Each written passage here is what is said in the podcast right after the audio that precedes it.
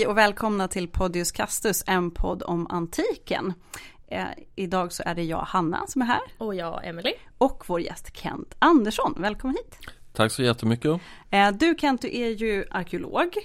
Eh, du är också fil, ja, fildoktor och docent i arkeologi vid Uppsala universitet. Det stämmer. Och jobbat länge på Historiska museet i Stockholm. Ja, jag har haft en ganska brokig bakgrund som fältarkeolog och eh, forskare på universitetet och sen på museet. Så du har hållit på mycket med samlingar och föremål, eller? Väldigt mycket med mm. föremål och det syns kanske i mina böcker också. Ja, precis. För du har ju bland annat skrivit boken I skuggan av Rom. Det stämmer. Ja, och du är ju här för att prata om det här som är liksom lite utanför vårt område, det här lite skandinaviska, nordiska. Just det. Och kontakterna mellan just romarriket och Skandinavien. Mm, och det är ett otroligt spännande ämne. Ja. Som jag hoppas att vi borrar ner oss i riktigt rejält. Då. Ja men det tror jag att vi kommer göra. Jag tänkte så här, hur kom du in på det här ämnet? Om man är fältarkeolog, man jobbar här, vad, vad, är det, vad var det som fick dig, liksom, fick upp ögonen? Ja, det var nog något av det mest uh, oväntade som man skulle kunna tänka sig. Jag läste arkeologi i Uppsala mm. i slutet av 70-talet. Uh, och sen när jag hade skrivit min trebetygsuppsats, alltså C-uppsats, så läste jag antiken. Mm.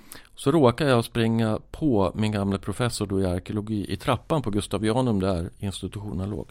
Och så sa han, har man tänkt på fingerringar med infattade stenar? Och då sa han, nej det hade man inte gjort. Nej då tycker jag du ska komma upp på fredag till mig så ska vi prata om det. Och så gjorde jag det och så gav han mig ett uppsatsämne som en D-kurs. Ja. Som skulle kombinera då två olika ämnen. Det här då antiken och nordisk arkeologi. Och så började det. Då började jag samla in material om en grupp fingeringar med infattade stenar som jag försökte visa att var provinsialromerska och så väcktes det där intresset för mm. kontakterna mellan Skandinavien och eh, romarriket.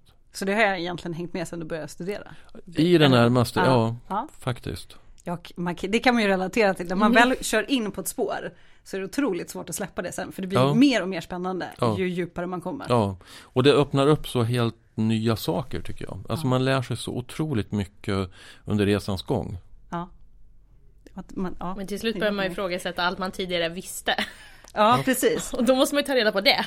Igen. Ja, exakt. Ja, fast det är väl det som är roliga med vetenskap, humaniora, Verkligen. att man kan gå tillbaka till samma sak mm. om och om och om, om igen och se helt nya saker mm. eller ställa helt nya frågor. Verkligen. Och mm. överraskande frågor också. Det tycker jag är mm. jätteroligt. Ja. Men det är det som är fördelen när eh, ämnena är så pass gamla. Ja. Också. Att mm. de har tolkats på ett sätt i en helt annan tid. Av helt andra samhällen egentligen. Ja. Och så måste vi tolka om dem med moderna glasögon. Ja. ja. Och i och med att vi bygger på ny kunskap hela tiden och mm. tillför andra typer av analyser. Mm. Till exempel så kan man och, och bara genom att tänka annorlunda mm. um, så når vi ju så mycket, mycket längre. Verkligen. Och att det hela tiden det breddas och det tillkommer mer. Och, och man, det är som att lägga ett enormt pussel där du helt ja. plötsligt får en till pusselbit. Ja. Mm. Och då får du en helt ny bild framför ja. dig. Jag använder faktiskt en liknelse i en bok som jag sitter och skriver på nu. Men så skriver jag då också att det finns stora likheter men det finns otroligt många eh, skillnader också eftersom att den som lägger ett pussel vet att pusselbiten har motivet på ena sidan och har också en mall framför sig. Mm. En arkeolog har ju vare sig det ena eller det andra. Nej. Han vet inte vad som är bak och fram. Ja det mm. vet han ju men inte när han ska lägga pusslet. Och så är det en okänd bild mm. som ska läggas. Och man vet inte hur många bitar som det finns. Det har en Nej, pusselläggare precis. oftast. Ja. I alla fall så kan man vara ganska säker på om man köper ett nytt pussel att ja. det är tusen bitar eller 500 ja. bitar. Ja. ja, som arkeolog vet man ju aldrig om man har 20% av pusslet eller 92 Nej. eller 0,3. Nej, och man, man vet heller inte om den tolkning som man gör av en enskild liten anläggning eller sånt stämmer. Mm. För det kan komma någon annan och säga, nej men herregud, mm. Det där är ju helt uppåt väggarna. Mm. Mm. Och där har ju nordiska arkeologer en helt annan utmaning kanske än klassiska arkeologer. Ja. Att ni jobbar med ett mycket mer, mer konkret. Ja, och ni jobbar mer konkret, ni har ingen skrift. Nej. Eh, ni har mindre kvar. Mm. Så att ibland kan det vara så här, några stenar kanske som ligger och så ska ni tolka dem. Ja. Eh, ibland hittar ni ett stolphål. Men jag tror att det är en fördel för jag tror att eh, den klassiska arkeologin kanske är lite för styrd av just det här vi vet så mycket redan. Mm. Vi, vet, vi har de här fysiska lämningarna av ett hus som vi gräver ut och vi vet att det är ett hus. Mm. Och då kanske man också förblindas mm. lite. Uh, ja. Men det är spännande, är det. det. är otroligt spännande. Och det, det, är ju en um, det är ju en stor skillnad mellan den klassiska och den nordiska mm. arkeologin. Att uh, den nordiska arkeologin har andra typer av källor. Men mm. kanske jobbar också på ett lite annorlunda sätt visar vi till exempel naturvetenskapliga analyser mm. och så vidare. Att de är så inkorporerade mm. idag. Mm. Uh, Medan jag tror att De kommer mer och mer. De gör det, ja. ja. Det är väldigt på modet nu. Det är det, ja. ja.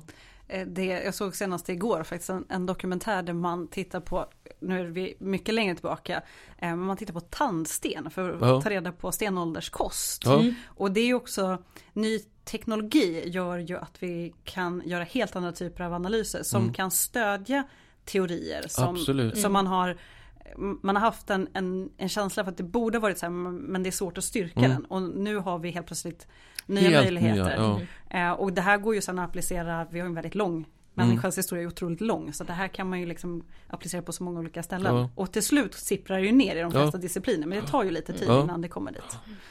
Mm. Men om vi, eh, nu har vi ju faktiskt varit inne på att det finns ju kontakt mellan Skandinavien och romarriket. För romarriket når ju aldrig hit upp till det vi idag kallar Sverige. Nej. Utan som, som längst kommer det ju, om vi tänker oss upp till, till Storbritannien, England. Där är det ju och så är det ju liksom i Tyskland och mm. de gränserna. Mm.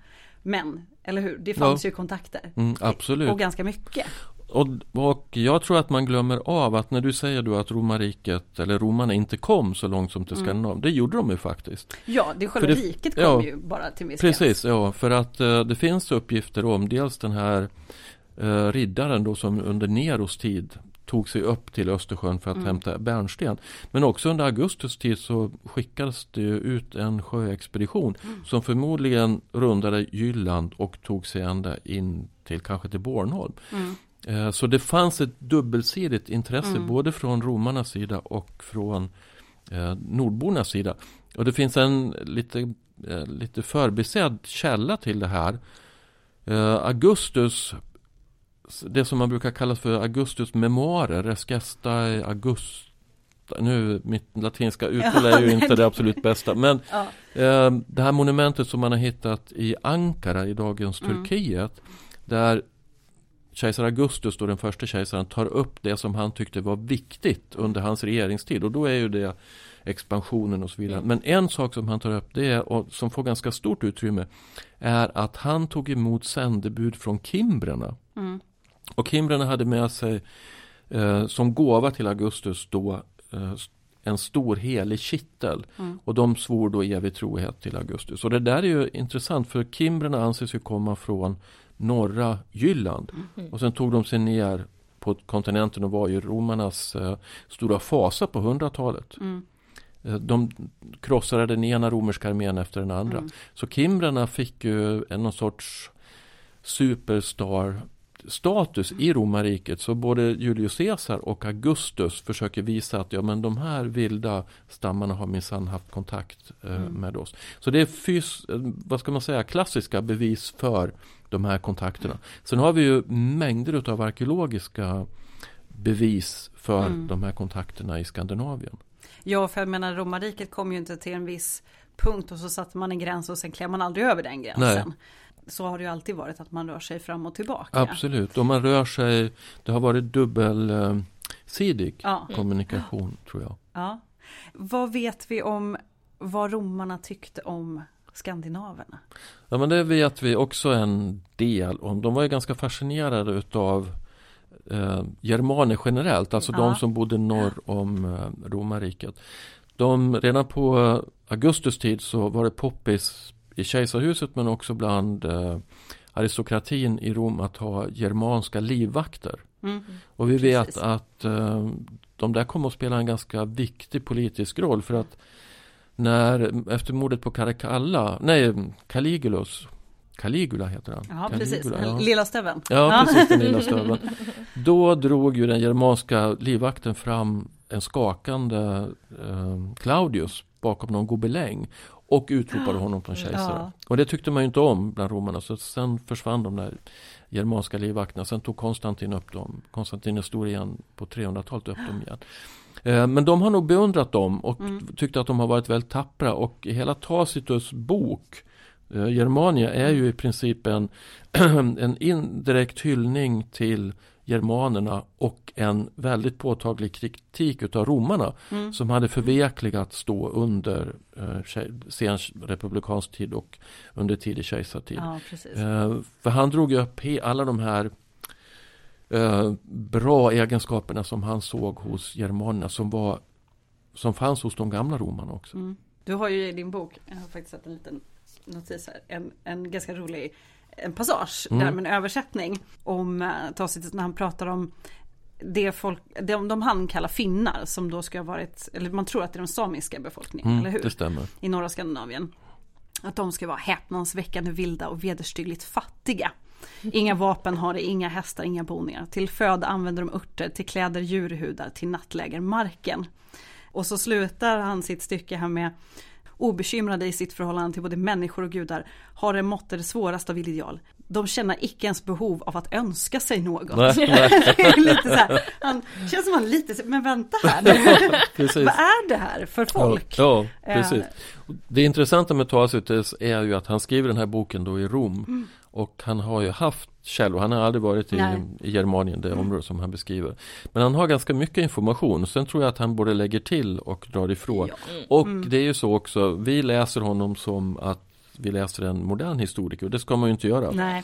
Eh, alla romerska historiker och författare hade ju en egen agenda mm. och ett syfte mm. och de hade sina topos som de Mm. klistrade på Precis. allting som var främmande. Ja. Mm. Men ja, det är ändå ganska roligt bara det att man väljer att skriva mm. om, att man väljer att nämna de här ja, folken. Precis, betyder ju att det, de, det fanns någonting som var viktigt att ja, berätta kring ja. det. För annars så hade man ju bara struntat i det. Ja, precis. Eh, så att uppenbarligen fanns det ju ett, ett intresse där. Men för, för oss och för de som lyssnar, hur, som inte har jättekoll på, hur var det att bo här i det vi idag kallar Skandinavien? Mm. Om, vi, om vi börjar någonstans runt äh, Kristi födelse, mm. om vi börjar där. Mm. Kan du berätta lite? På, då bodde de flesta i eh, ensamliggande gårdar eller i små mm. byar. De var jordbrukande. De hade nog det förhållandevis bra skulle jag kunna tänka mig. Det fanns rika områden som producerade ett överskott, till exempel Gotland och Öland. Och det överskottet använde de på olika sätt, till exempel i kontakten med romarna. Mm. Men det var en jordbruk, jordbrukande befolkning som hade boskap och eh, odlade olika sädeslag.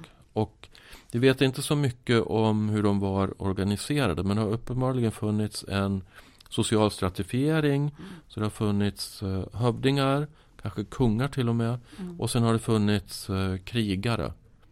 Och vi vet genom vissa fynd att från i alla fall 200 efter vår tidräknings början så har de här herrarna varit väldigt välorganiserade. Mm. De har haft flera olika befälsled till exempel och de har haft eh, läkare med sig som har varit inspirerade av romerska. Mm. Försöker jag lyfta allt det här romerska ja. hela tiden för att visa hur viktiga romarriket var för oss i Skandinavien.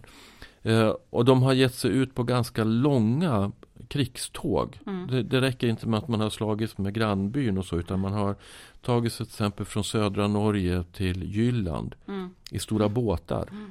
Eh, och sen har man sen blivit besegrade mm. där. Jag tänker så här, de flesta bodde väl längs kusterna? Nej, du, har, nej, du har bebyggelse i princip vad ska man säga, det som man kan kalla för eh, sydskandinavisk eh, jordbruksbebyggelse har du en bit upp längs Norrlandskusten. Mm. Men du har det i hela Uppland, hela eh, Västmanland, hela mm. Småland, mm. nästan mm, överallt. För att hela Sverige är ju skog, typ. Ja, i det närmaste. ja, ja, ja. Så det, det är lite svårt att ha kontakt eh, Liksom, det finns inga vägar om man säger så. Nej, fast det har ju funnits stigar. stigar och, ja, absolut. Ja, absolut. Um. Och, eh, men vattnet har ju varit viktigt mm, och det mm. skriver ju Tacitus också om. Han beskriver en, en stam som man anser är svearna. Mm. Och han säger att de är just rika i flottor. Mm. Så att vattnen mm. har ju varit väldigt mm. viktigt. Väldigt tidigt. Ja, det är mycket lättare att transportera någonting längs vatten mycket, än att försöka ge sig in på en stig då som går genom skogen. Ja, precis. Ja, ja. Du får ju med, med dig bredare saker om inte annat. Tyngre. Ja, tyngre. Ja. Mm. Eh, men jag tänker också att det, det var ju inte uppdelat som vi tänker idag, att vi har Norge, Sverige, Danmark, Nej. Finland. De var mindre. Mycket mindre enheter en, och man får föreställa sig att uh, man kanske, om man var kung så var man inte kung över ett kungarike så att säga, ett geografiskt område, mm. utan du kanske var kung över en viss, ett visst antal människor mm. mm. som du mm. hade knutit till dig genom olika sorter av allianser. Mm. Ja, det är, det är väldigt Så det såg väldigt annorlunda ja. ut och det är ju också intressant, alltså två helt olika typer av sociala strukturer ja. möts. Och när vi vet att eh, ganska många nordbor på 2, 3, 400-talet tog sig ner till romarna och kanske var där i 10-15 år. Mm.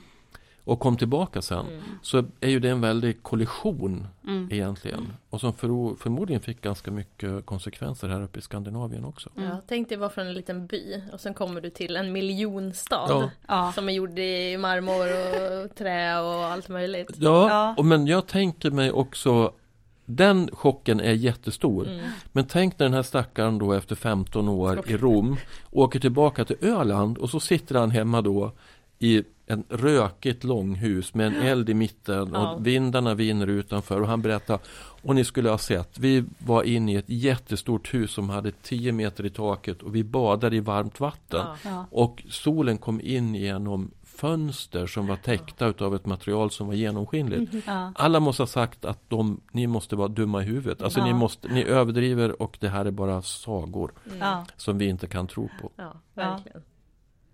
Eh, jätteintressant att tänka sig. Det hade varit otroligt intressant att se det utbytet och vad, vad, man väljer att försöka ta med sig hem. Eh, och vad man fick igenom tänker jag också. För att du kan ju komma med, med massa ny kunskap, massa idéer och bara möta det här motståndet. Ja, nej men det där funkar inte. Nej, nej, nej. Ja, du kan ju också komma tillbaka för omvandlad. Ja. Att mm. om du kommer i en, en, romersk tåga på Öland så är det kanske inte direkt, du blir inte jättepoppis. Nej. nej. Men däremot om du har med dig en ganska stor portion med romerska guldmynt. Mm.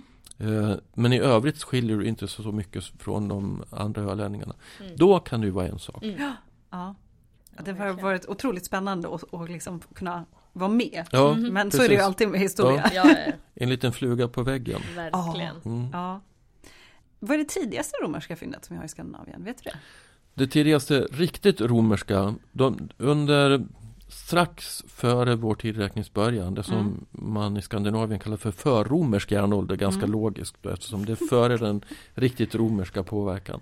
Eh, så dyker det upp romerska bronskärl mm. i vissa gravar vissa rika gravar. Och det visar att man redan då, alltså under det som är sen republikansk tid, tidig mm. kejsartid, hade kontakter. Men att de här kontakterna var ganska få och de var förmodligen baserade på att man fick de här föremålen som prestigefyllda gåvor mm. från romarna. Och de kan ha då förmedlats i flera led. Mm. Det är inte säkert att en senator som satt i Rom gav nej. en bonläpp i Västergötland nej, eller Östergötland nej. en sån här romersk eh, eh, vad heter det? situla. Mm. Utan eh, det var säkert så att det skedde via många, många led. Mm. Men det börjar så tidigt. Och det intressanta är att det är väldigt fina föremål som kommer då. De här situlorna till exempel, de är förmodligen tillverkade i Capua. Mm. Som ju var väldigt känd för sina romerska eller bronsproduktion utav väldigt hög kvalitet. Jag tror det är Plinius som säger att varje romerskt hem skulle köpa sina bronsgrytor eh, från Capua för de har den bästa kvaliteten. Mm. Sen flyttar ju, det vet ni, de flyttar ju bronsindustrin ut i provinserna mm. eh, lite längre fram och då ser man det blir skillnad i formerna och det blir skillnad i namnen som är stämplade på de här föremålen mm. och fynden ökar också. Ja, det är väl kanske lite enklare om det kommer närmre ut till de här områdena mm. så är det större sannolikhet att det sen faktiskt kommer över till. Ja, och produktionen har säkert varit mycket, mycket större ja. också ute i provinserna. Mm. Kan jag tänka mm. mig. Spännande. Mm. Om, om, vi, om vi håller oss här kring fynd. Mm. är, är det, kan man se vissa typer av grupper av fynd? Eller finns det något som är vanligare? Alltså det är så här att uh, de här nordborna har haft en fäbless de, med dåres envishet. Det enda ja. som de har varit intresserade av det är saker som de kunde använda för att dricka ur eller att hantera dryck med. Ja. Så jag menar i romarriket, ett romerskt kök, om man kommer in i ett romerskt kök, om man kommer in i ett romerskt kök i Pompeji så finns det ju otroliga mängder olika typer av kärl. Men mm. Mm. vi här i Skandinavien, vi tyckte bara om dryckeskärl mm. utav glas. Eller silver i vissa fall. Brons i vissa fall också. Eh, en stor kittel där du mm. kunde förvara drycken, alltså vinet eller ölen eller mjödet. Mm. En skopa och en sil mm. som du kunde ösa upp det här med och sila bort om det var skräp i det. Mm. Och så kanske en liten jordnötsskål eller något sånt där litet eh, vid sidan av då. Men det, var, det är nästan så att jag törs inte säga att det är 98 procent. Mm. Men säg att det i alla fall är 90 procent av alla romerska föremål eller provinsialromerska föremål som är hittade i Skandinavien har på ett eller annat sätt att göra med att dricka eller hantera dryck med. Mm. Så det var det, det var man ville pimpa sitt eget drickande mm. så att säga. Men är det, också, det är också ett sätt att visa andra. Precis. Det är mycket lättare än om du har ett armband på ja. dig. För det måste du aktivt visa upp. Annars mm. sitter du där med ditt fina glas. Precis. Liksom. Ja. Och det visar också att det här med dricka var så otroligt viktigt mm. i det skandinaviska eller fornnordiska mm. samhället. Att det, det, var ett sätt att knyta kontakter med andra och kunde man då göra det genom att sträcka fram en romersk glasbägare mm. så var det klart att man fick större eh, pondus då. Ja. Men sen finns det också en stor grupp, till exempel romerska vapen. Mm. Eh, romerska svärd. I, mm. Det finns en grupp, en fyndkategori som heter vapenofferfynd i Skandinavien som mm. består av offrade besegrade fienders vapen. Mm.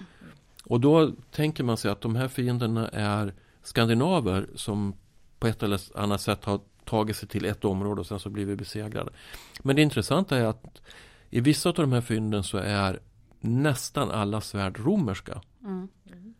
Och romarna hade ett, det var belagt med dödsstraff att exportera romerska svärd till utanför romarriket. Mm, mm. Så som i alla tider så har just det här med fascinationen av att tjäna pengar. Ja. Det är så idag också. Jag menar vapensmuggling är ju ja, ja, mm, vid sidan av knark och liknande.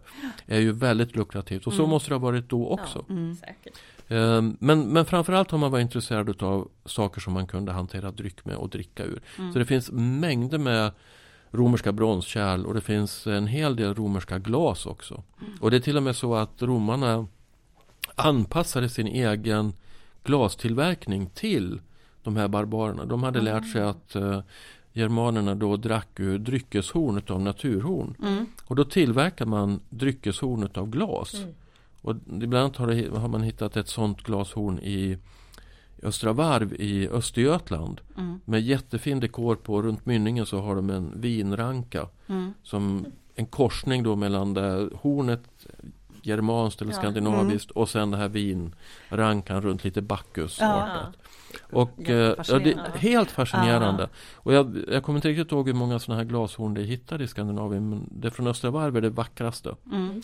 Eh, man kan ju tänka sig att de romarna har gjort det också för att ha sådana här orger med barbartema. ja. Eh, men alltså det verkar som att man har känt av vad mm. de ville ha och så tillverkat det. Ja men det är klart, eh, som du sa, det här med att tjäna pengar det är ju, mm. det är ju ändå viktigt. Ja, ja precis, eh, absolut. Och det är klart att de var väl vana vid att se Ja men vad, vad vill mottagaren ha? Ja, mm. Fixar man ju det. Ja. De hade ju möjligheten att ja, göra det. Ja, det var en marknadsekonomi. Ja, precis. Trots allt. Ja. Och sen tror jag också att det, det kanske var en extra fin present. Om du skulle skapa en kontakt mm. då med en, i det här fallet en östgöte. Mm. Så vad vill jag ge honom? Ja, varför inte ett dryckeshorn mm. som är unikt mm. eh, också. Och då mm. vet han att han är den enda i hela Skandinavien som har ett sånt här horn. Mm. Det ökar ju prestigen också. Ja, verkligen. Men det betyder ju också att någonting som kanske är ganska vanligt i Rom mm. blir ett lyxföremål i Sverige ja. då. Eller det, i Sverige, i Skandinavien. Ja, i Skandinavien. Ja. Det är jätteintressant det där att när de här bronsföremålen och glasföremålen passerar limes, alltså den mm. romerska gränsen, mm. då genomgår de en transformation. Mm. mm. För då blir de, det som du säger, de är vardagsföremål mm. som varenda romare hade i sitt kök. Mm. och så blir de i, i Skandinavien eller på bar, i mm. Barbarikum då, så blir de lyxföremål som mm. är få förunnat. Och som eh, man använder då för att eh, ja, skryta mm. Mm. lokalt. Och sen använder man det också i begravningarna. Ja. Det är tack vare det vi har ja. eh, mm. dem kvar.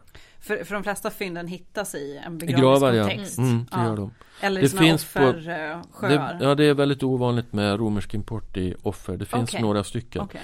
Eh, sen finns det på boplatser. Mm. Men då är man ju osäker på om man har importerat hela kärl och sen har de gått sönder. Mm. Eller om man har importerat trasiga kärl. Mm. Bronskärl till exempel som man skulle smälta ner mm. för att uh, tillverka smycken eller liknande. Mm. Uh, eller att man har importerat glaskross mm. för att uh, smälta ner och göra pärlor. Mm. För man hade egen glasproduktion? Men, nej, man, glasproduktion, det där är lite omtvistat. Ja. Jag, tror, jag tror inte att man har haft det. Det finns nej. vissa forskare som säger att man redan på 300-talet mm. här har haft den kunskapen. Det, det betvivlar jag. Mm. Man har inte haft uh, kompetensen och man har inte haft materialen och man har inte haft nej. tekniken. Uh, men däremot så vet man att det har tillverkats pärlor mm. inhemskt ganska tidigt. Mm. Och de, det är inte sådana här vackra pärlor utan de är enfärgade och ganska tråkiga. Men det har man kunnat börja ganska tidigt med. Mm. Och, och då tänker man att om man de här fynden som man då gör på, på boplatser skulle kunna vara mm. något Antingen att man har haft någonting som har gått sönder eller man har importerat något man har importerat billigt skrot. material. Ja, man har liksom. importerat ja. skrot. För alltså, att omvandla sen. Ja, för mm. skrothandel under antiken det är ett förbisett ämne som mm. jag mm. kan tipsa om. Det är någon som är sugen på att forska det så det måste ha varit otroligt betydelsefullt. För att vi vet till exempel att i Jylland så har man hittat hela romerska silverserviser. Mm. Som uppenbarligen har gått ur mode då på romerskt och så har man mm. bara hackat sönder det i små bitar och mm. sålt det som skrot. Precis som ja. vi gör mm. idag när vi lämnar in gamla silverbestick och två mm. kronor och gud vet vad ja. för att få pengar för det. Mm. Det bara smälts ner. Mm. Det finns till och med en rest efter en kolossal staty som förmodligen har föreställt en romersk kejsare. Mm. Som är hittad, man hittar delar av foten mm, mm. på fyn. Och det är också sånt då, det, det är knappast, tyvärr är det väl så att den inte har transporterats då i i fullständig skala så att säga. I, i hel, eh, till, det hade varit jätteroligt om det var så. Men förmodligen är det så att den har gått ur mode eller skadat och sen har den ja. hackat sönder och så har man sålt den till ja. eh, som metallskrot. Det här trendiga återbruket som ja, vi gärna håller på med ja, nu. Precis. Ja, exakt, exakt. Och det tror jag gäller en hel del utav sådana här ikoniska föremål som man ser i museisamlingar mm. idag. Att vi ser dem gärna som exempel på långväga kontakter och det är de men de kanske mm. har en annorlunda bakomliggande kulturhistorisk förklaring än vad vi vill se det som. Mm. mm. Jag tycker nästan att den typen av fynd är bland det roligaste man kan ha. Mm. För att det, det gör det så tydligt att, att det finns såklart jättestora skillnader mellan oss och, och folk som bodde då. Men det här visar också på att det finns så otroligt många likheter. Absolut. Att det är ju, det blir inte lika stor distans som man lätt kan få om man läser historia. De gjorde så, mm. vi gör så här. Ja. Men det här är ju något, precis som alla kopparstölder vi har mm. idag. Ja. Det är ju för att det är lukrativt att ja. handla med skrot. Eh, och det var det ju då också ja, såklart. Absolut, Men ibland behöver man kanske bli påminn om det genom ett sånt här fynd. Mm. mm. För det är en bristvara, en klar bristvara. Ja, men också man kommer åt vardagen. För ja, ofta när man, lä- och, och mm. när man läser eller ser, det är de rika, det är deras ja, värld. Precis. Mm. Det, den är skriven utifrån ja. dem. Men här kommer man åt vanliga människor. Ja, precis. Och också att man kanske oftast kommer åt de här kontexterna som till exempel vid en begravning. Mm. Då har man ju, det är alltid tillrättalagt. Absolut. Det är ju alltid planerat, utfört på ett visst sätt. Kanske efter premisser vi inte riktigt förstår. Nej. Men det är ju precis som man gör idag. Men jag menar det är ju Man gör ju för att det ska vara så fint och så värdigt och så etiskt utifrån sitt eget perspektiv. Inte nödvändigtvis hur vardagen såg mm. ut. Eh, Nej, men, men också, det är också ett jätte, jättespännande ämne. Mm. Eh, det där med vad står gravar för. För vi, vi vill ju gärna se det som just det du säger. Mm. Men jag tror att i många fall när det gäller de här högstatusgravarna. Då handlar det väldigt mycket om att släkten, de efterlevande, mm. vill visa show-off. Mm. Hur mycket de har råd Hur mycket med. de har råd ja. med att lägga ner de här gravarna och de brer gärna på. Mm. Och det behovet finns i princip bara under en ganska begränsad tid när släkten är ganska osäker på om de är legitima eller inte. Mm. mm. När de väl har fått makten och de har suttit mm. länge med makten, flera generationer, då behöver de inte göra det här Nej. längre. Och då behöver de inte, då kan de använda sina glaskärl hemma istället. Mm. För det kan ju vara, det kommer jag ihåg innan man börjar liksom studera de här ämnena djupare, när man var lite yngre, att man slås av den här, men varför varför slösar man inom citationstecken de här fina föremålen, mm. de här smyckena, de här vapnen, mm. de här dyrbara, för det förstår man ganska snabbt att det är dyrbara saker. Mm. Varför lägga ner dem i en grav när man kanske har större behov av dem? Hemma, eh, hemma. Ja. Eh, men sen när man börjar nysta i det här så dyker upp alla de här möjligheterna runt omkring som måste ha varit minst lika viktiga. Ja, säkert. Eh, vi pratar ju ofta om, om eh, forna Egypten och eh, där, där ja, Tutankhamons grav som mm. exempel att där mm. finns det ju helt andra bakomliggande mekanismer. Om faraon inte har det bra mm. så får vi ingen skörd. Nej, precis. Mm. och, och, det kanske man inte, det slås man inte av direkt utan Nej. man måste liksom tröska sig igenom det mm. för att hitta dem ja. bakomliggande. Men det är otroligt spännande. Ja, det är jätte, jätteintressant. Ja. Men nu, nu, vi har ju pratat lite av ja, en del fynd som, mm. som har kommit till Skandinavien men det måste ju ha funnits någonting de kunde erbjuda romarna. Ja, alltså de kunde dels eh, erbjuda slavar förmodligen. Mm. Mm. Det har säkert varit jätte, jättepoppis att ha Eh, slavar. Nu fick ju romarna ganska mycket slavar genom sin krigföring. Men, men slavar kan ha varit någonting som har varit exporterat eh, till, från oss till dem. Mm. Hästar mm. vet vi att eh, bland annat de som vi tror var svear då har exporterats söderut. Vi vet att pälsverk mm. har varit jätteomtyckta hos romarna. Mm. Blont hår, mm. eh, om man har det, så var det väldigt poppis för att romarinnorna ville ha löshår, blont mm. löshår. Mm. Eh, så det kan man tänka sig att man har exporterat. Man kan tänka sig att man har exporterat hudar till, alltså eh, läder till den romerska armén. Som ju behövde enorma mängder läder. Mm. Så det har funnits en hel del. Sen ska vi komma ihåg att romarna tänkte ju aldrig som vi gör idag att exporten ska balansera importen. Nej. Utan de importerade ju sjövilt från hela den då kända världen, sidan mm. från Kina och man brydde sig inte om hur mycket man eh, man pumpade ut från romarriket. Eh, så att eh, även om det har funnits ett sånt där ömsesidigt eh, export och import så det kanske inte har varit det väsentliga för romarna. De har säkert haft väldigt mycket politiska orsaker bakom mm. det här att ha kontakt med, med romarna. Det vet vi efter eh, slaget vid Tetoburgerskogen år 9. Mm. Så då drog ju sig de, då kom ju romarna nästan upp till Elbe. Men fick då lov att dra sig tillbaka till Ren. Mm. Och efter det så var man mer inriktad på att uh, se till att de olika germanstammarna och kungarna slogs sinsemellan. Mm.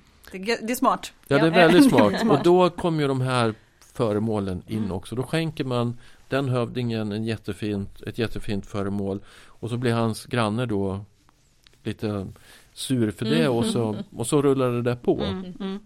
Eh, det finns jättemånga sådana fynd som man kan tolka i den riktningen. Mm. Det finns bland annat en, eh, en grav, en dansk grav som jag skriver om eh, från Lolland, Hoby, där en ung man är begravd tillsammans med bland annat två stycken fantastiska romerska silverbägare. Mm. Mm. Som är tillverkade av en grekisk hantverkare förmodligen och som visar berättelser ur eh, inte Homeros Iliaden, men kriget i Troja. Mm, ja, mm, precis.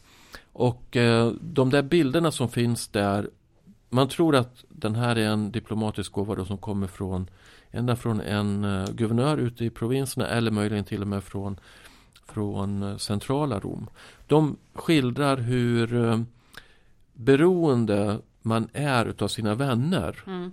Och även hur romarna såg på sitt förhållande till barbarerna då. Mm. Eh, och de här scenerna från berättelsen om kriget kring Troja då. De har säkert den här personen nästan känt till. Mm. Han kan ha varit så romaniserad så han kanske till och med pratade hjälpligt latin. Mm. Eh, och han måste ha förstått hur viktiga de här var. För det visar att det fanns ett beroendeförhållande mellan mm. Augustus då som var kejsare på den tiden och den här hövdingen. Mm. Eh, så ja, det, det finns otroligt många sådana spännande fynd som mm. man kan nästan knyta mm. till historiska händelser också. Ja, det är, det är jättespännande. Eh, jag läste också att eh, bärnsten mm. var ju något man ville ha från, från Östersjön. Ja. Eh, och att man redan så, alltså man kan hitta skandinavisk bärnsten från, från Östersjön eh, redan så tidigt som, som i Mykene. Ja, i schackgraven. Ja, precis. Mm. Och då är vi ju liksom bronsåldern. Ja, precis. Eh, så att då har det ju funnits... 1500 före vår tid. Ja, ja, precis. Ja. För de som inte lyssnar på alla våra avsnitt om bronsåldern. Men, men då pratar vi om en ganska långtgående kontakt också. Mm. Mm. Eh, uppenbarligen. Någon måste ju ha flyttat de här bärnstenarna. Mm. Ja, fysiskt ja. ja. ja. precis. Mm. Men det finns väldigt många fynd redan under stenåldern som pekar på mm. kontakten ner mot sydöstra mm. Europa. Och då måste man ha tagit sig Vi förknippar ju de där förbindelserna gärna med vikingarna. Mm. Men, men vikingarna var De hade ärvt gamla sådana här färdvägar. Mm. Och de har, varit, de har fungerat sedan stenåldern och sen så mm. genom hela bronsåldern och hela järnåldern. Ja, även om man inte kunde flyga på några timmar så, så tog man sig ju faktiskt ja. långt. Man var ju inte alltid helt stationär på Nej. den platsen. Och sen måste man ju komma ihåg att för oss är ju tid pengar, men det var det ju inte. Då. Nej. Nej. Man hade all tid i världen, höll jag på att säga. Ja. Men det fick ta, det till och med kanske ingick i en, i en ädlings eller någon medlem av den aristokratiska skick, familjerna då att göra sådana här resor. Mm. Mm. För att visa att man Ja, att man var världsvan. Mm. Det är precis som mm. de här Grantor på 1700-talet. Mm. Eh, det ingick i utbildningen att man mm. skulle göra en sån resa. Jo, men, ja.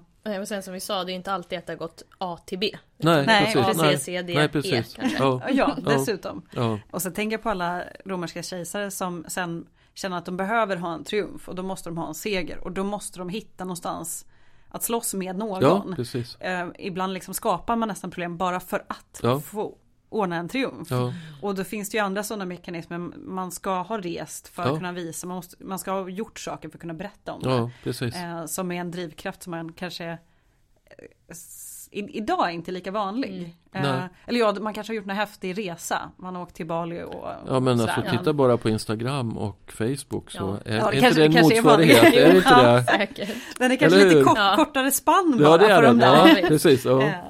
Drivkraften kanske finns där, men det är lite kortare tidsspann.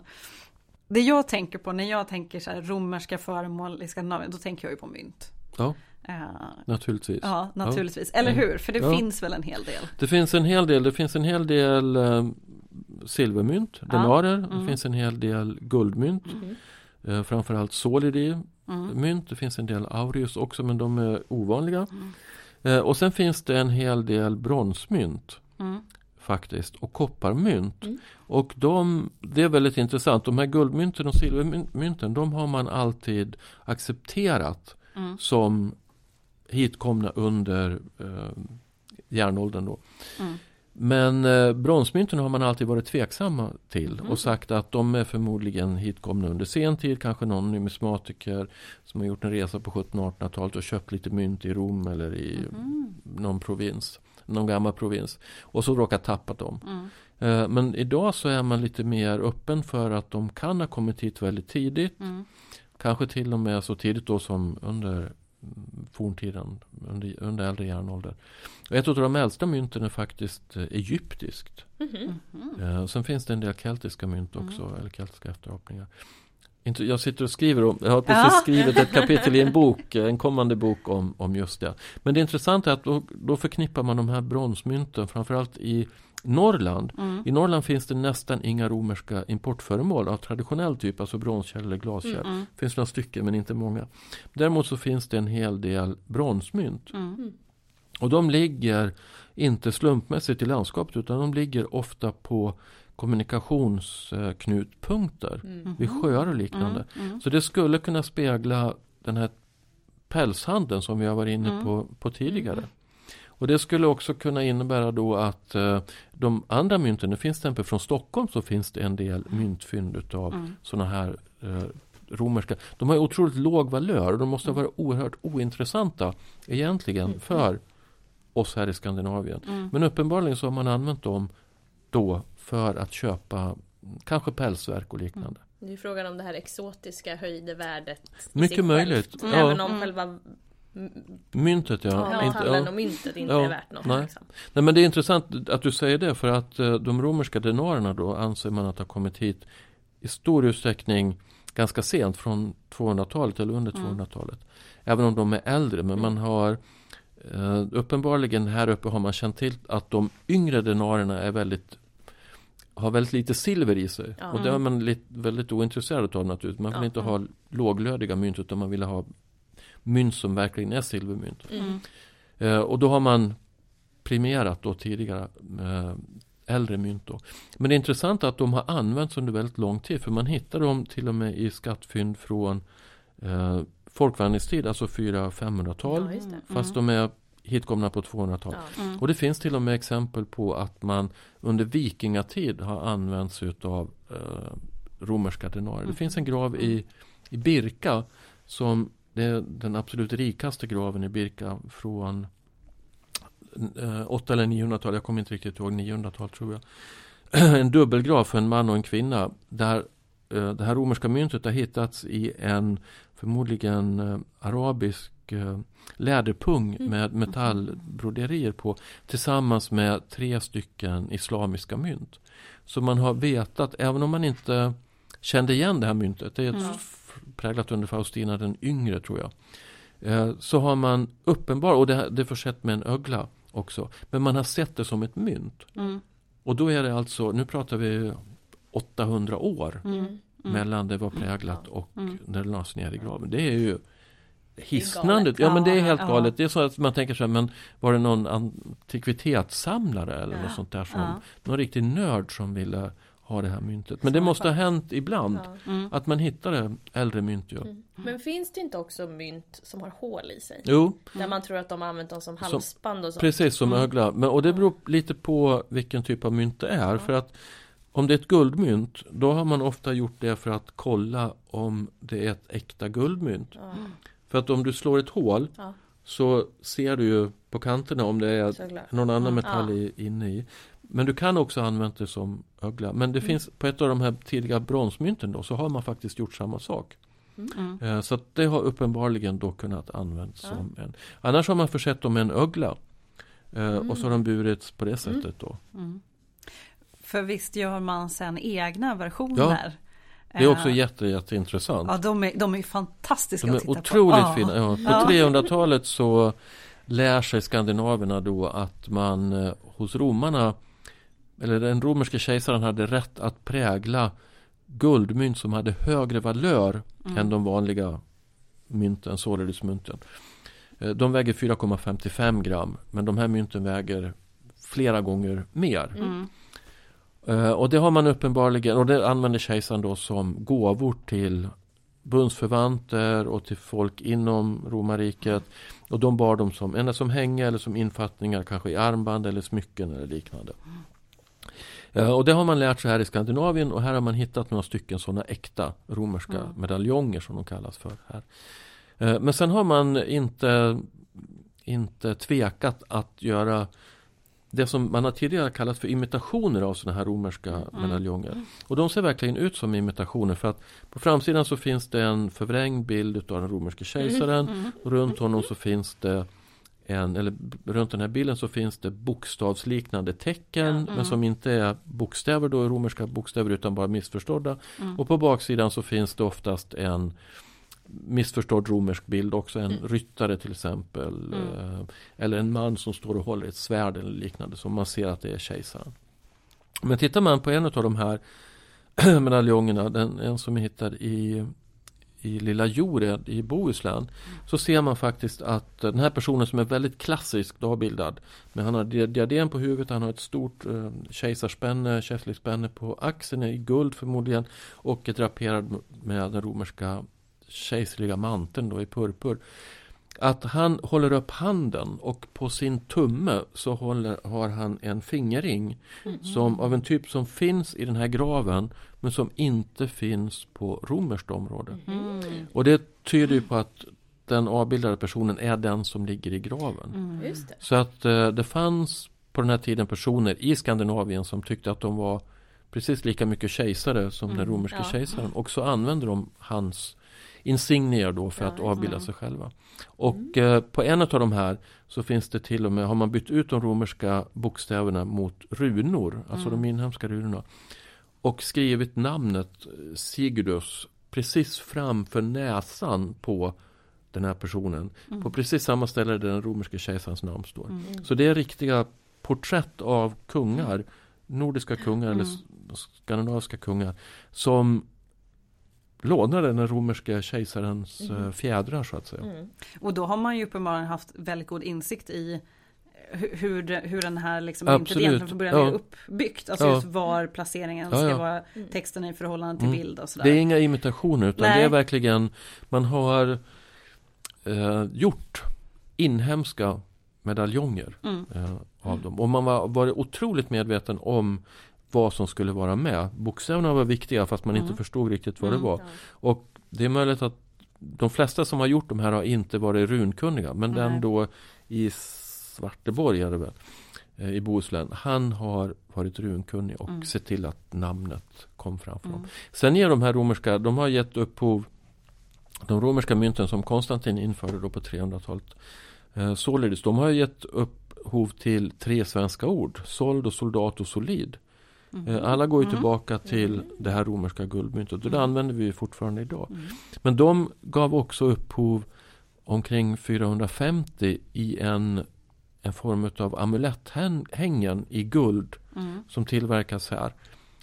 Och då gick man tillbaka till mynt som var präglade under Konstantin den store eller hans söners tid. Mm. Alltså mynt som var nästan hundra år äldre. Mm. Och så tillverkade man någonting som man tolkade om och man inspirerades av de romerska mynten men man gjorde någonting helt nytt. Mm. mm.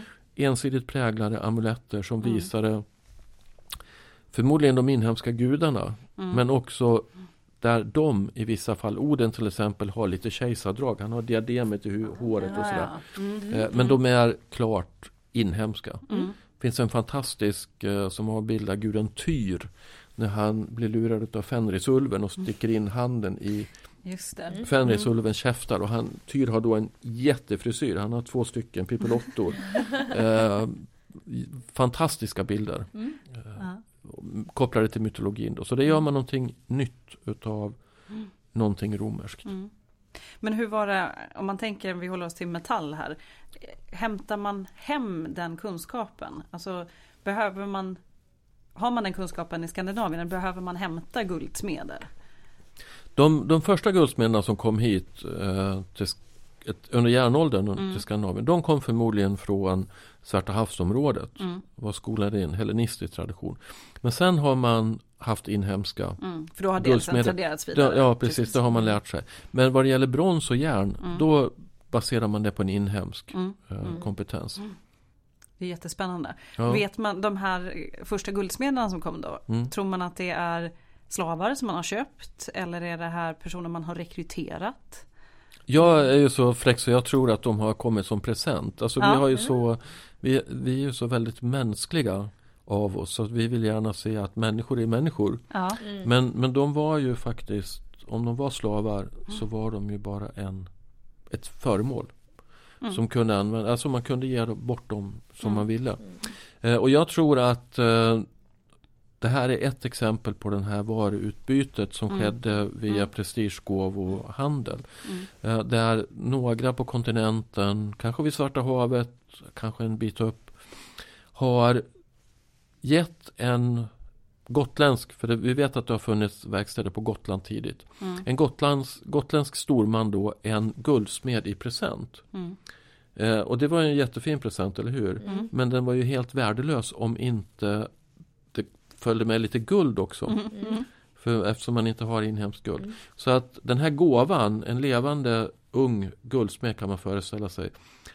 Den gjorde ju att den gotländska hövdingen var beroende av sin kontinentala kollega för resten av livet om han ville ha smycken producerade. Mm. Det är smart present. Otroligt smart present. Alltså det är en sån där som man önskar man skulle kunna ge själv, ja, eller hur? Ja. Att någonting som gör att jag får nytta ja, av det i resten av livet. Visst tror inte det var tvärtom då? Att folk åkte dit och så kom de hem och bara Åh hörni, jag har lärt mig det här. Jo, fast då, hur fick du tag på guldet? Om du fick med dig det hem i och för sig då, Ja, det kunde man tänka mm. sig. Ja, det mm. kunde man tänka sig. Jag tycker den är lite mer elegant ja. Den andra är roligare. Den är smartare. Den är smartare. För man, man har diskuterat om det också kunde bero på att uh, det var en del eh, inre problem nere på kontinenten vid mm. den här mm. tiden.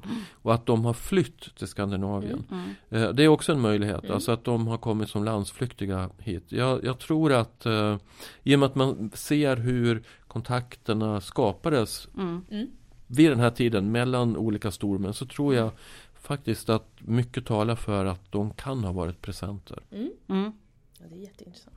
Ja, jag tänker också att om man, för vi vet ju att det, det var ju folk härifrån som, som tog sig ner till, ja, till romarriket. Ja. Men de kanske inte nödvändigtvis äh, lärde sig ett hantverk på det sättet. Nej. Om de dit de kom såg att det var slavar som utförde det. Ja. Så det beror väl kanske också lite på var man hamnar och vad man ser. Ja. Om man inte tänker sig, om man, har, om man är så entreprenör att man inser att det här är något som jag i sådana fall kan ta hem mm. och göra en grej av. Ja, för det var ju inte bara slavar som gjorde Nej, alltså, Nej. det var det inte. Så Men det beror nog lite på jag, var man hamnar Jag tror också, också att om du gjorde de här resorna så var du vuxen. Mm. Säg att du var i 25-30 års åldern. Mm. Kanske 20. Eh, då är du nästan för gammal mm. Mm. för att lära dig någonting sånt här. Mm. Det, det, krävs nästan att du gör det sen du är mm. barn. Och mycket av de här små pilljobben då som kännetecknar det här tidiga guldsmedet och som kännetecknar det hellenistiska guldsmedet är ju små tunna trådar och små mm. korn mm. som barn ja. kan ha suttit och jobbat med. Behöver ha hyfsat bra syn. Väldigt man bra syn. Man kanske skickade ene sonen ja. ner och ja.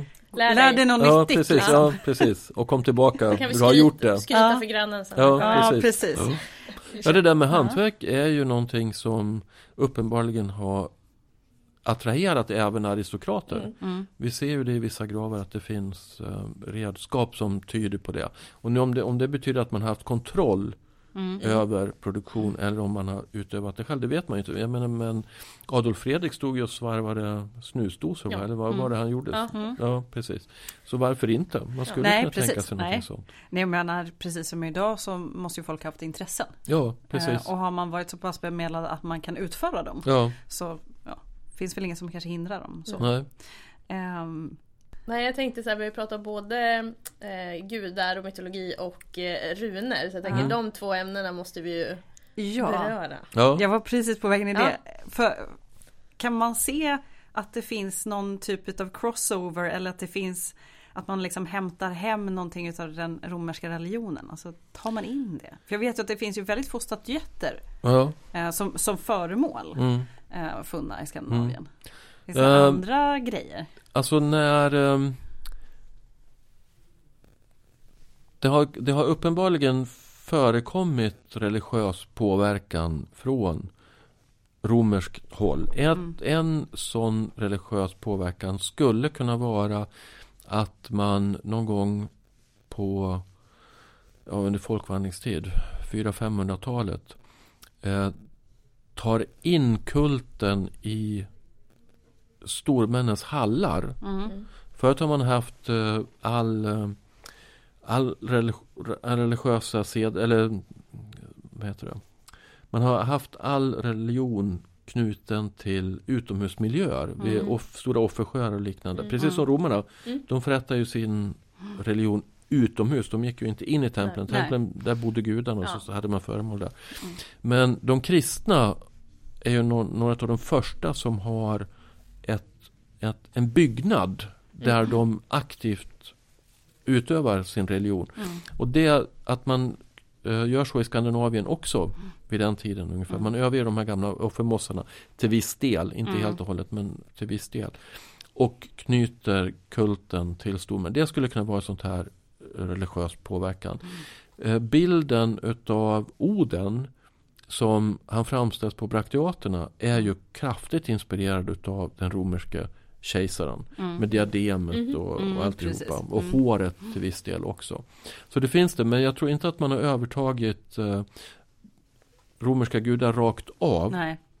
Alltså att man inte tillbett mm. Jupiter och så utan man har som i så många andra fall så har man transformerat saker till någonting genuint eget. Mm. Och där har uppenbarligen hur gudarna har sett ut mm. Eh, varit en sån sak som man har inspirerats av romarna. Och kanske också att avbilda gudarna som människor. Mm. Kan ju vara ett sånt mm. utslag. Mm.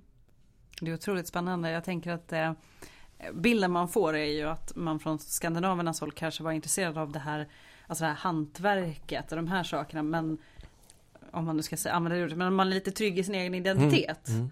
Mm. Eh, alltså de har ju redan en egen en religion. Och sen är de ju samma. Eller ja. vad man ska säga, romarna ja, var väldigt precis. duktiga på, ja ah, men den där ja men det är ja, Jupiter. Ja, precis, ja. Liksom. Och det ser man ju i Tacitus till exempel, han översätter ju alla gudar till vad romarna precis. Eh, var. Och det ser man ju i, i eh, vår kalender till exempel, mm. att namnet på uh, veckodagarna och så vidare är ju tagna. Mm. Besläktade. Mm. Vilket gör att det kanske aldrig blev någon konflikt där. Du behövde liksom inte, det behöver inte vara antingen eller utan det här kan liksom leva parallellt. Och romarna var, hade ju ett otroligt öppet Pantheon. Det var, ja. Alla fick ju ja. komma in så att säga. Och jag vet inte hur det riktigt var eh, hos germanerna. Men har, tänker man sig att det var nordbor som var nere på kontinenten och var i den romerska armén till exempel. Då mm. blev man, man var ju tvungen att svära eh, trohet direkt till kejsaren. Ja. Och han var ju mm. gud. Mm också. Så att eh, visst har de säkert påverkats på något ja, sätt. Men alltså, politismen är ju mycket mer tolerant på ja. det viset. Om man kan prata om ordet oh, ja. tolerant i det här sammanhanget. ja, precis. Ja. Än vad monoteismen är. Både judendomen och sedan kristendomen. Det funkar ju inte alls då. Det, men det är också det är en helt annan typ av tillbedjan av gudarna. I och för sig, mm. judendomen hade ju det här offerdelen. Utanför ja. Mm. Men kristna de åt ju sin gud, det ja, var jättekonstigt. Ja. Och de hade en bok, eller en text och liksom, mm. det var ju mycket märkligt för, för politisterna där religionen var en del av, alltså, av, mm. av vardagliga livet. Och att den förändrades, ja, ja. eller kunde förändras också. Mm. mm. Ja, och, och den såg annorlunda, annorlunda ut från en by till en annan. Och jag tänker också för de romare som, som kom i kontakt med de här folken, blev inte förvånade över att den ena personen sa att Oden var så här, den andra personen sa att Oden var så här. Mm. Ja, ja. Det är så det är. Liksom. Men det, blir, det skapar inte den där kanske konflikten eh, direkt. Eh, men sen var vi inne på det där med runorna. Ja, ja. det är spännande. Ja. Jättespännande. Eh, och det finns ju hur många teorier som helst om det här med runorna. Mm. Eh, och den och deras ursprung. Man har pratat om grekiska kursivspråk. Mm. Alltså mm. det finns hur många etruskiska har man till och med mm. varit inne på. Eh, men idag så tror man att, eller i alla fall jag tror mm. det, att man här i Skandinavien har blivit man har kommit i kontakt med text på väldigt många olika sätt. Vi har varit inne på de här bronskärlen som man importerade. Mm. De hade ju oftast en namnstämpel på sig där det mm. stod mm. att den och den har tillverkat mm. det här mm. föremålet. Eh, de kom i kontakt med, med romersk skrift på romerska mynt. Det har vi mm. också pratat om. För på dem stod det ju vem som var kejsare och vilka titlar han hade och så vidare. Eh, så nordborna har varit ganska bekanta med både grekiska och latinsk text. Och i så många fall eh, i så många liknande fall så har man förmodligen inspirerats utav det här och sen skapat någonting eget. Mm. Det verkar på något sätt som att det här med identitet, egen identitet har varit otroligt viktigt för dem. De har inte mm. tagit någonting romerskt rakt av utan de har tagit någonting romerskt och sen transformerat det mm. in till någonting mm. annat. Man har gjort en mm. egen tolkning av det. Mm. Och så skulle det kunna vara med eh, runorna mm. också. Eh, och det intressanta är att de äldsta runinskrifter som vi har, de är precis som de här fabrikationsstämplarna på romerska källor. Mm. Det står ett namn och sen mm. kan det stå jord eller ristar eller precis mm. som på de romerska. Mm. Sen utvecklas det här mer och mer och mm. runorna får egna namn och de förknippas med gudar, vissa mm. gudar och de blir magiska och så vidare. Men de äldsta har förmodligen eh, utgjort en form av romersk inspiration eller mm. en, en, romersk påverkan. Mm. Men att man har gjort någonting eget utav det. Det syns ju i grammatiken. Mm. mm. Också. Jag läste vikingatida texter en kurs. Ja. Och då var det ju, de har ju samma typ av alltså, ändelser som i latinet till ja, exempel. Ja. Att genitiven har så att det är ändelsen som påverkar funktionen, inte nödvändigtvis ordningen på. Mm. Eh, så att genitiv kanske var ett U eller mm. och dativ var. Mm. Så det var som, det här är ju latin. Ja. Men sen hade ju runorna helt annan, en helt annan funktion än de romerska mm. bokstäverna. Ja. Och eh, syftet var aldrig att skriva berättande Nej. texter. Det kommer ju mycket senare. Eller det kommer, det finns från 400-tal, 400-500-tal så finns det en del berättande texter men de är väldigt få. Mm, mm. Det är först under vikingatid vi får ja. de här mm. långa texterna. Men jag tänker det där som du nämnde med identitet. Att, eh, om man jämför till exempel om man går över Lima så kommer in i, i liksom ja, det som idag är England, mm. där man blev en del av romerska riket. Där fick man ju upp liksom sandalmodet väldigt, mm. väldigt snabbt och man hade romerska sandaler som är inte ett dugg anpassade för det klimatet. Nej, precis. Jättemycket och det skulle vara strumpor inunder och sådär där kan man ju säga att man tog, det blev väldigt, väldigt romerskt. Mm. Väldigt, väldigt snabbt. Ja. Och då kanske det från skandinaviens håll är det, man kan låna in saker, mm. man kan inspireras. Ja. Men man vill fortfarande visa att man är Sin egen inte, identitet ja. Precis, mm. man är inte romersk, för Nej. det är en annan sak. Ja, precis. För man måste ju också ha kommit i kontakt med eh, med just de här yttre provinserna, mm. norra provinserna som man antagligen då har vetat om att de har tidigare inte varit en del av romerska riket och nu är. Mm. Så att det måste ju ändå ha funnits någon viss, eh, även om man gärna inspireras och lånar, att man vill mm. visa att ja, men vi är faktiskt. Men, men, är inte det, har man inte börjat bli medveten om det? Nu är jag ute på otroligt hal is eftersom nu är det handlar det om klassisk arkeologi. Men, men har man inte blivit lite mer medveten om, man brukar annars smeta med ut det romerska riket. Det är mm. precis likadant över hela, mm. hela området. Men har man inte börjat inse också att det finns väldigt stora regionala skillnader? Mm. Även om ja. en av sakerna som har gjort att det har smetats ut är väl att man har flyttat om så mycket folk. Mm. Mm. Alltså ja. i, i England så, eller Britannien så hade man folk från hela romarriket ja. förlagda till Vindolanda och Hadrianus mur och så vidare.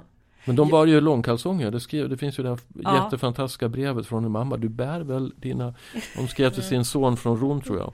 Du har väl dina långkalsonger på dig. Ja, mm. ja men, och det, det är väl eh, delvis ett problem en fördel och ett problem med när romarriket blir så stort är mm. ju att vissa fynd som till exempel textilier är väldigt ovanligt men läder oh. det bevaras ju i de yttre provinserna. Oh, I England, i dagens Tyskland och åt andra hållet då mm. till exempel Egypten. Men inte från centrala Rom. Nej. De få fynden som finns då kan man se att ett sånt mode har spridit sig. Oh. väldigt, väldigt snabbt, mm. väldigt, väldigt långt ut. Sen är det klart att folk var ju som folk är mest. Man måste ju anpassa sig, ja. det fattar man ju. Ja. Och ser man någon annan som har kommit på det där med lite varma kläder, ja. med långkalsonger ja. så. Så tar man nog över det ja. Man gör nog det. Mm. Sen är det kanske inte det som slår igenom och syns Nej. överallt i det arkeologiska materialet. Men, eh, men jag tänker också, kan det inte också vara så att de har inte nog kontakt? För Nej. att det ska liksom, att någon ska lära sig skriva, att någon ska lära, alltså ta hem det och få det att slå hemma. Mm. Kan det ja. inte vara så också att kontakten inte är tillräcklig och tillräckligt regelbunden? Jag tror det. Jag tror att alltså om de här grabbarna som åkte ner och var med i hjälptrupperna, mm. de kan ha kanske varit där tio år. De kunde mm. till och med skriva ja. på latin, de kunde till och med prata på latin. Mm. Men om de kom hem mm. Mm och uppträdde som romare mm. så hade de inte en chans tror jag. För den lokala identiteten är så fruktansvärt mm. viktig. Mm. Uh, och du kan inte, tror jag, slå dig igenom som romare på Öland. Nej för det finns mm. inte tillräckligt många romare där heller. Nej, nej precis, nej. Och då, det, det, är inte Det blir bara konstigt. Det blir, ja, det inte blir som att de har sett de här skorna eller sandalierna. Nej, nej. De bara, du kan, ha med, du kan, du kan möjligen ha dem eh, som någon form av exotisk souvenir. Ja. Som du visar upp. Att ja. det här, men, men inte gå runt i tåga och eh, sandaler. Och då blir det ju också kanske så att skriftspråk blir inte en Nej, grej. Liksom. Det, för, och Nej. det finns ingen det finns inget behov av det. Nej, nej. Riktigt tror jag. Precis. Och det ser man ju också på de föremål som är eh, Man skriver det på vapen och man skriver det på dräktspännen mm. och då är det bara i princip Ända att jag har ristat eller ja. Mm. Jag äger den. Mm. Ja. Nej, men precis. Och, det, och det är ju, tittar man på just skriftspråkens historia så är det ju i princip alltid så. Mm. Det uppkommer. Ja. Man har ett behov av att eh, räkna, mäta och ha koll. Ja, precis, ja. Eh, har vi fått in tillräckligt mycket skatt? Mm.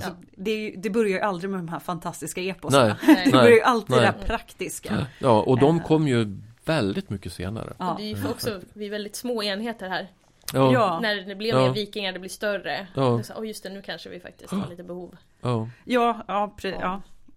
Och hålla koll på folk eller hålla koll på maten för att vi är fler människor. Eller? Och sen fanns ju under vikingtiden så fanns ju det här behovet också att jag vill visa att jag är kristen. Vår familj vill ja. visa. För alla, ja. alla runstenar nästan, inte alla, men väldigt stor majoritet av dem, de uppländska i alla fall, de har ju att göra med missionstiden. Mm, mm. De tillkom under ganska kort tid och tillhör ett visst skikt i samhället som ville markera dels ägandet av marken men också att de var, familjen var kristna. Mm. mm.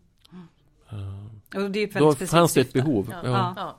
Mm. Eh, men, men om man tänker sig, alltså hur vanligt var det om, om man nu man föds i Skandinavien, eh, säg någonstans i Uppland. Mm. Hur vanligt är det att man kommer komma i kontakt med någonting? Romerskt? Ja. Det var en väldigt svår fråga. Ja, eh, lite klurig. Ja, väldigt klurig. Eh, jag tror att chanserna var nog förhållandevis goda. Mm. Eh, kanske inte att man kom i kontakt med att man åkte ner till romarriket själv. Men att du på något sätt kom i kontakt med det. Mm. Det tror jag man skulle kunna. Och att, sen får man komma ihåg att det måste ha funnits otroligt många berättelser mm. som cirkulerade mm. I de här bland de här folken. Mm. Eh, och där måste romarna ha spelat en, mm. en stor roll, tror jag. Mm. Sen tror jag också att, att uh, ju yngre du var på en gård, ju större chans hade du att bli utkickad och veta att min enda framtid är att enda bor jag kvar hos, på min brors gård mm. och fungerar som dräng. Mm. Eller så drar jag härifrån. Mm. Och enda ställer mig i någon lokal krigsherres tjänst. Eller åker ner med en grupp ner på kontinenten. Mm. Det är samma gamla problem som alltid, är det inte? Ja. ja Vad gör vi med den yngre sonen? Ja, precis. Ja, precis. Ja, ja, gifter bort den möjligen ja. till någon Grekerna ja. körde kolonistilen ja, precis. Och... Ja. Romarna bara expanderade. Ja. Ja. Ett konstant problem, ja. uppenbarligen människan har. Men då tänker jag, nu har vi pratat om det mesta, men mat måste vi också Mm. Om vi har pratat, pratat liksom pengar och kärl och ja. måste ju mat. Ja, alltså jag har ju en, en favorit eh, i den här Sandbyborg på Öland. Mm. Som, som har kallats Nordens, eller Sveriges Pompeji tror jag man kallat mm. det. Eh, så hittar de ju Sveriges äldsta matlök. Eh, förkolnad låg den mm. någonstans där. Eh, den är från slutet av 400-talet. Ja. Eh, och, och där tror man ju starkt att det, det, den är ju av romersk påverkan. Ja. För att man åt ju inte matlök på det sättet. Nej. Men finns det något mer? Ja det finns eh, någonting som jag tänker på direkt när man Tänker man på romersk mat så tänker man ju på garum, eller hur? Det, har, det, finns inga belägg för det. Det finns ju inga nästan belägg för amforor och liknande i Skandinavien eh, från antik tid. Men däremot så vet vi att man lärde sig att baka bröd mm. utav romarna. Eh, och man lärde sig också att mala sitt bröd, mjöl på ett speciellt, med en vridkvarn. Mm. Mm. Och det var någonting som man lärde sig då när man gjorde tjänst i romersk, den romerska armén. De hade mm. ju nu var det länge sedan jag skrev den där boken men jag har för mig att det var så att varje grupp om åtta soldater hade en egen vridkvarn. Och mm. de ansvarade för att frakta runt den där och så malde man sitt, sin säd på den där. Och innan de här vridkvarnarna introduceras och man blir påverkad av romarna då så använder man säd till att göra gröt och liknande mm. men man bakar inte mm. bröd. Mm. Men däremot under romerska järnålder och folkvandringstid då så börjar man baka bröd och det hittar man i, i mycket speciella sammanhang. Mm. Eh, och det, det, är till och med så att eh, vissa stor men det finns en, en norsk eh, runsten från 400-500-tal som talar om en person som brödtryggaren. Mm. Eh, det är, bra det är väldigt, ja, det är väldigt bra. Och vridkvarnar då hittar man bara på speciella platser, aristokratiska boplatser. Mm. Så att det var inte vem som helst som hade sådana eh, kvarnar utan det var ett visst Kan man se det på tänderna? Det beror i och för sig på hur porös stenen är men jag vet att man då i medelhavsvärlden mm. kan se förslitningar på tänderna. För att har man porös sten och maler så ja. mals ju stenen ner med mjölet. Men, så man, man tuggar på det där. Um, man skulle, ja, jag, jag vet, ja man, men jag tror att både det mjöl som uh, maldes med en vanlig underliggare mm. och överliggare mm. har inslag utav ja. stenflisor. Så jag, ja, jag tror inte Nej, man kan det. Däremot så kan man se slitagespår på skeletten. Mm. Vilken Från, typ av, ja hur ja. man har jobbat. Mm. Uh, det kan man se. Men det är intressant att uh, Vridkvarna till exempel finns på Helgö som var en sån här otroligt viktig central plats under romerska järnålder och folkvandringen. Det finns på vissa eh, vissa fornborgar som har mm. varit stormannagårdar. Mm. Det finns till och med en bulle bevarad. Från, från 400-500-tal från Östergötland som är som en ja, ja. Jag, jag, skulle inte vilja äta den men den, den är en klar bakad bulle. Men så det, bröd var lyxmat? Mat, eller bröd var ett sätt tror jag att visa vem man var. Ja. Mm. Och det kanske också var ett sätt att visa för de här hemkomna soldaterna, för detta romerska soldaterna, att vi hör ihop. Mm. mm. De mm. åt bröd tillsammans. Ja, de bröt mm. bröd, mm. skulle man kunna göra med en parafras på. Det är ju också otroligt Alltså det är mer praktiskt att bära runt på bröd än att bära runt på gröt. Ja. Det är ju lite ja. mer flyttbar ja. mat också. Mm. Ja, det är, så det är ganska bra Och lag, lagringsmöjligheten är ju jättebra också. Men det var en status, ett status, uh, en status rätt som mm. bara åts av då utav vissa personer Det är ju en typisk sån här vardagsgrej i Rom. Alla ja. gick ju tillbaka, för folk ja, ja, hade precis. ju inte kök, det var ju för rika ja. människor. Ja. Alla fick ju sin påse mjöl liksom. Ja, men det är också ett exempel på det här som du säger vardagsföremål. Ja. Vardagsföreteelser i Rom blir lyxföreteelser i Skandinavien. Ja, verkligen. Ja. Det är superintressant. Ja, det är mm. jättefascinerande. Men eh, om, om vi ska börja avrunda lite med det här hur får de här kontakterna mellan eh, romarriket och Skandinavien, får det någon bestående effekter? Vi har ju varit inne på det, men ja. om vi ska sammanfatta ihop det lite. Ja, men jag tycker det är intressant att uh, se hur vi förknippar det framförallt med århundradena från vår tillräkningsbörjan fram mm. till kanske 500-tal. Mm. Men då glömmer man gärna bort det östromerska riket. Mm. Mm. Uh, och med, med Östrom så ser man att man har haft kontakter under hela tiden. Det ses mm. i myntmaterialet, sårade-materialet, man ser det i eh, kvinnomodet under 600-700-talet. Då är man inspirerad av hovmodet i Konstantinopel. Man ser det i vissa dräkter mm. eh, som via frankerna har kommit från Bysans då man bär kaftaner under 600-700-talet. Mm. Och under vikingtiden så vet vi ju att väldigt många nordbor gjorde tjänstgöring i den östromerska eller bysantinska kejsarens livvakt. Mm. Och det, det, ser man ju bland annat på Pireuslejonet. Mm. Eh, som det finns en kopia av på Historiska museet. Men som originalet står i Venedig nu. Mm. Eh, men också i Hagia Sofia. Det var ju mm. någon, några vikingar som har stått där och mm. Karvat in sina namn i marmorräckena där uppe. De på, de har klottrat ja. Och det var ju samma sak på Pireuslejonet. Det var ju tre olika vikinga eller väringagrupper som kom dit till hamnen då. Mm. Eh, mm. Atens hamn i Pireus. Där lejonet stod från början och klottrade mm. fullt med runor. Så det tycker, jag, det tycker jag är spännande att se att hur under tusen år ja. så upprätthåller man den här kontakten och de har varit nästan lika viktiga under hela tiden. Mm. Och även när Rom var verkligen på dekis mm. så har man kvar den där lite gyllene bilden utav mm. romarriket här i mm. Skandinavien och knyter gärna an till. Till exempel så begravs eh, på 600 och 700-talet eh, uppländska stormän med hjälmar som är inspirerade av gardeshjälmar som bars i gardet runt Konstantin den stora. Mm. Mm. Så det visar hur viktigt det här Romidén har varit. Och det, det, vet vi ju själva också att Rom tanken på Rom lever ju kvar jättelång tid. Man har knutit an till det romerska riket gång på gång på gång på gång. Och gärna den här eh, lite romantiserade bilden ja, av det romerska riket. Ja, när det var som störst, bäst och vackrast. Ja, liksom. ja. man bortser från när hundarna härjade runt på 400-talet. Precis, ja. Mm. ja. Det är ju otroligt spännande. Mm.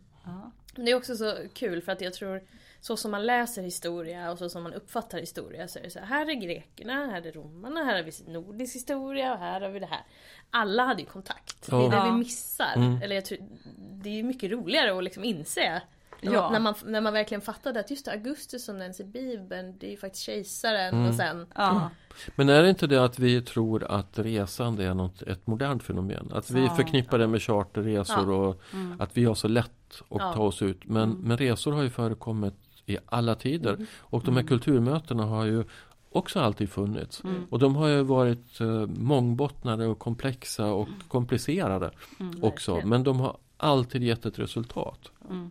Men det är ju som vi pratar om i vårt sanitetsavsnitt. Där man eh, längs sidenvägen någonstans mm. eh, innan Asien ja. har grävt fram en toalett. Ja. Och då hittat en mask. Eh, som lever inne i, som ja, då är en parasit, ja. en parasit mm. som då har, är en asiatisk och kinesisk ja. eh, hemmahörande parasit. Så bara kontakt. Ja, precis. precis. Ja. Ja, jag, men jag det... tänker också att man, man vanligtvis läser historia i bitar. Alltså man läser mm. tidsperioder. Ja. Eh, och det om historiker om 500 år kommer döpa vår period till har ju inte vi någon aning om. Nej. Och vi kommer inte Ja, vi kanske tänker att den här pandemin som vi precis haft kommer vara någon vägdelare. Mm. Det kanske inte ens blir en notis. Nej, precis. Eh, så Nej. det är också det att man, man, vilket man oftast måste göra så man måste dela upp det på något sätt. Mm. Men ibland kan det bli lite lösryckt. Ja. Och därför är det spännande när de här när man får göra de här mötena ja. och se att oj, ja det var ju jättemycket likheter. Ja, eller det var jättemycket samarbeten ja. eller kontakter. Mm. Eller, vad kan vara. Mm. eller hitta parasiter för den delen. Ja, precis. Ja, ja.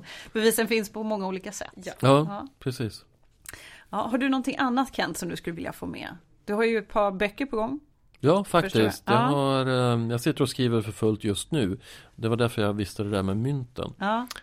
Ja. Gillar ju att sitta och skriva. Ja, mm. det har ju blivit några böcker. Ja, det har blivit ett antal. Ja. Mm. Så om man vill grotta ner sig och se lite bilder på de här föremål, ja, Så finns de ju i dina böcker. Ja, bland det gör de. Ja. Och det där är ju ett tema som går igen i många av böckerna också. Just kontakterna med, med romarriket. Ja, och det, det, är alltid roligare att se saker på bild. Eller i mm. verkligheten om man har möjlighet att resa runt. Ja. ja. Mm. Men vad bra, då får vi tacka så mycket. Ja, tack själva. Eh, Jätteroligt. Ja, vad bra. Och eh, som vanligt har ni frågor eller funderingar kan ni höra av oss till oss. Vi finns på podiuskastus.gmail.com eller på Facebook och Instagram. Mm. Mm. Och med det så får vi säga tack för idag och på återhörande.